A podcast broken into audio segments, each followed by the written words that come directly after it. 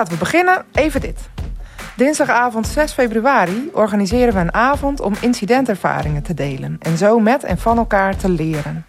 Het plan is om op deze avond meerdere verhalen over incidenten aan te bieden, waar jij en jouw collega's in groepjes langs kunnen gaan. Voor elk incident hebben we ongeveer een half uur.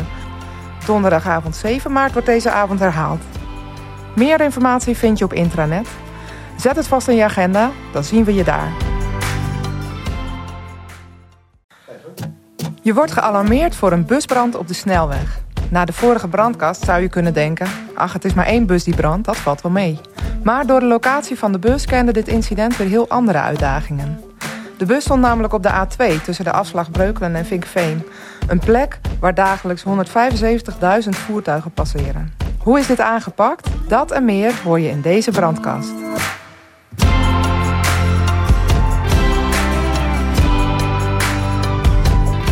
Leuk dat je luistert naar de brandkast van de VRU.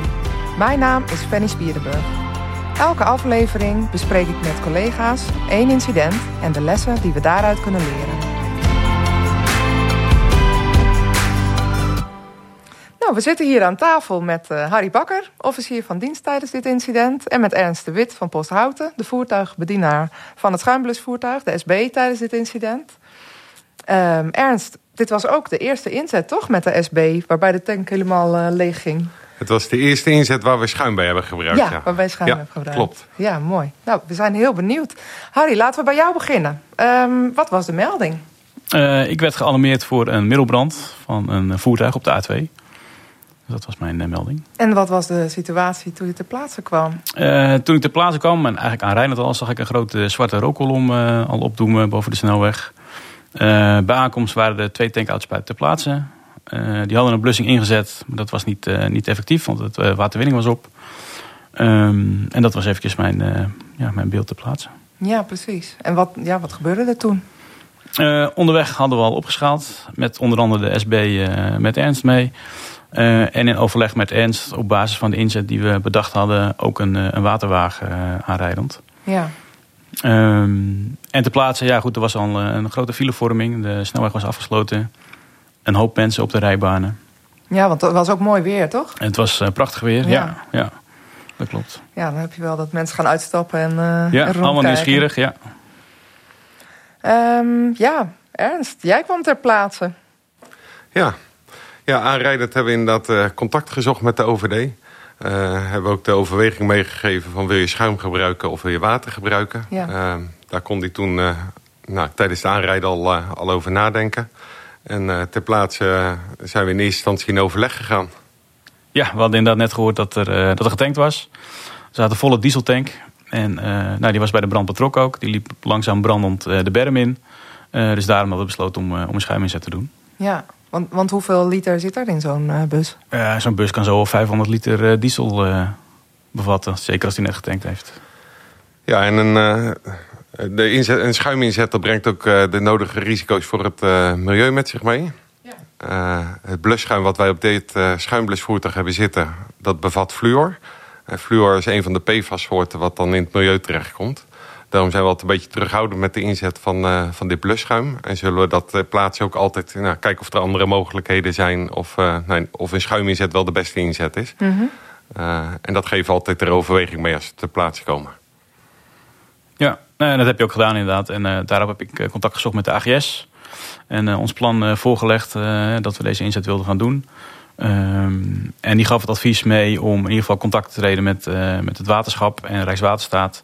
Voor eventuele opruimen en saneringswerkzaamheden. En nou, zo hebben we het ook gedaan. Ja, precies. En die waren gewoon meteen akkoord dan? Ja, nou ja, Rijkswaterstaat was op de plaatsen. En, ja. uh, dus dat was voor elkaar. En in de nafase hebben we ook naar de productgegevens, productdetails van het schuim meegegeven aan Rijkswaterstaat. Zodat zij ook nou, de juiste documentatie bij de hand hadden. Ja. Om eventueel vervolgstappen te nemen. Ja. Want ja, ik zat me eigenlijk ook zo wel af te vragen. Rijkswaterstaat heeft natuurlijk ook wel grote behoefte om gewoon die doorstroom van dat verkeer weer zo snel mogelijk hè, te laten plaatsvinden. Ik had opgezocht, er rijden wel 175.000 voertuigen per dag over dat stukje snelweg. Dus dat, uh, stopt flink op, in, ook in de rest van het land, als het ja, dat klopt. stilstaat. Ja. Um, in hoeverre had je daar druk van of last van tijdens de inzet? Nou ja, niet zozeer druk. Uh, kijk, we zorgen altijd voor een veilige werkplek. Hè, en dat is, ja. uh, dat is iets wat, wat, wij willen, maar uiteindelijk Rijkswaterstaat uh, ook. Ja. Alleen die hebben ook wel wat andere belangen. Dat, nou ja, dat we een goede doorstroom hebben. zeker op zo'n A2. nou, Ernst die had het al over Schiphol, de, de weg Schiphol. Um, dus dat is altijd een beetje een, uh, nou ja, een gezond spanningsveld van wanneer geef je nou weer wat terug, zeg maar. Ja. Um, in eerste instantie hadden we hem helemaal dicht gehouden. Nou, dat was ook prima. Uh, en later, uh, nou goed, toen het incident wat, wat verder in de tijd was, de, de vlammen waren er een beetje vanaf. ja, dan komt Rijkswaterstaat uiteindelijk inderdaad van, joh, kunnen we niet wat, wat opschuiven? Ja. nou ja, goed, in goed overleg met, met de eenheden ook te plaatsen, hebben we uiteindelijk twee banen alvast open laten gaan. om dat nou, door te laten stromen. Um, maar het uh, effect of het gevaar wat je dan ziet, is dat mensen die dan uh, nou ja, doorrijden, toch altijd even naar rechts kijken. We zagen diverse mensen filmen, foto's maken. Ja. Dus die zijn daar niet zozeer ja, bezig met, uh, met een veilige weg vervolgen. Wat uiteindelijk weer een risico voor ons geeft. En nu hadden we wel Ja. een redelijke buffer op van drie rijbanen. Um, alleen dat is wel een, ja, een, een aandachtspunt om, om mee te nemen. Dat als je weer wat ruimte geeft, blijf dan nog wel scherp. Want mensen in de auto's die zijn niet altijd uh, even scherp. Nee, nee. Die hebben ook eerst een uur natuurlijk naar de rookbox staan kijken. Dus die zijn wel benieuwd waar dat dan uiteindelijk vandaan Ja. kwam. eh. Ja, ja. dat herkennen we allemaal, denk ik. Ehm, ja, Ernst, en in het voorgesprek hadden we het ook even over van eh, hoe breng je nou dat schuim op en wat is daar nou het, eh, ja, het effect van? Hoe, eh, hoe, hoe doe je dat? Kun je daar nog eens wat meer over vertellen? Ja, ja. Nou, het schuimblusvoertuig heeft meerdere mogelijkheden om het schuim op te brengen. Uh, we hebben bovenop het schuimblusvoertuig zit een dakmonitor. Uh, aan de voorkant hebben we de bumpermonitor. En we hebben ook nog de mogelijkheid om uh, handstralen in te zetten. Ja, Um, in dit geval hebben we de opstart gedaan met de bumpermonitor. Um, dat is, nou, dachten we de eerste klap mee te kunnen uitdelen. Uh, dat is ook wel redelijk gelukt. Alleen je merkt wel dat de bumpermonitor niet volledig effectief is. Hij is uh, la redelijk lastig te, te richten. Hmm. En um, nou, je komt ook niet overal goed tussen. Dus voor het richten hebben we uiteindelijk is mijn collega, de chauffeur, die is uitgestapt en die is ingezet als spotter. Dat betekent oh. dat hij de aanwijzingen geeft of we een beetje hoger of lager moeten, omdat hij dan nou, vanaf de zijkant dat beter kan zien. ja. En uiteindelijk zijn we overgegaan op, op de handschraal. En daarmee kom je er gewoon beter tussen.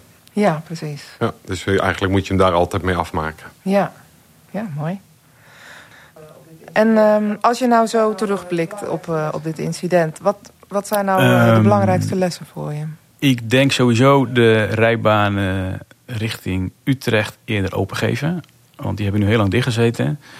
Um, wat uiteindelijk ongewenste effecten met zich meebracht. Waardoor uh, mensen nou, richting Utrecht al spookrijdend terug, terug richting Amsterdam reden, zeg maar. Dus dat kan wel wat eerder. En de reden waarom nou ja, eigenlijk de hele A2 afgesloten was, was omdat in beginsel niet duidelijk was wat nou de aandrijving van de bus was. Hmm. Uh, de, de tankuitspuit gaf aan dat dat diesel was.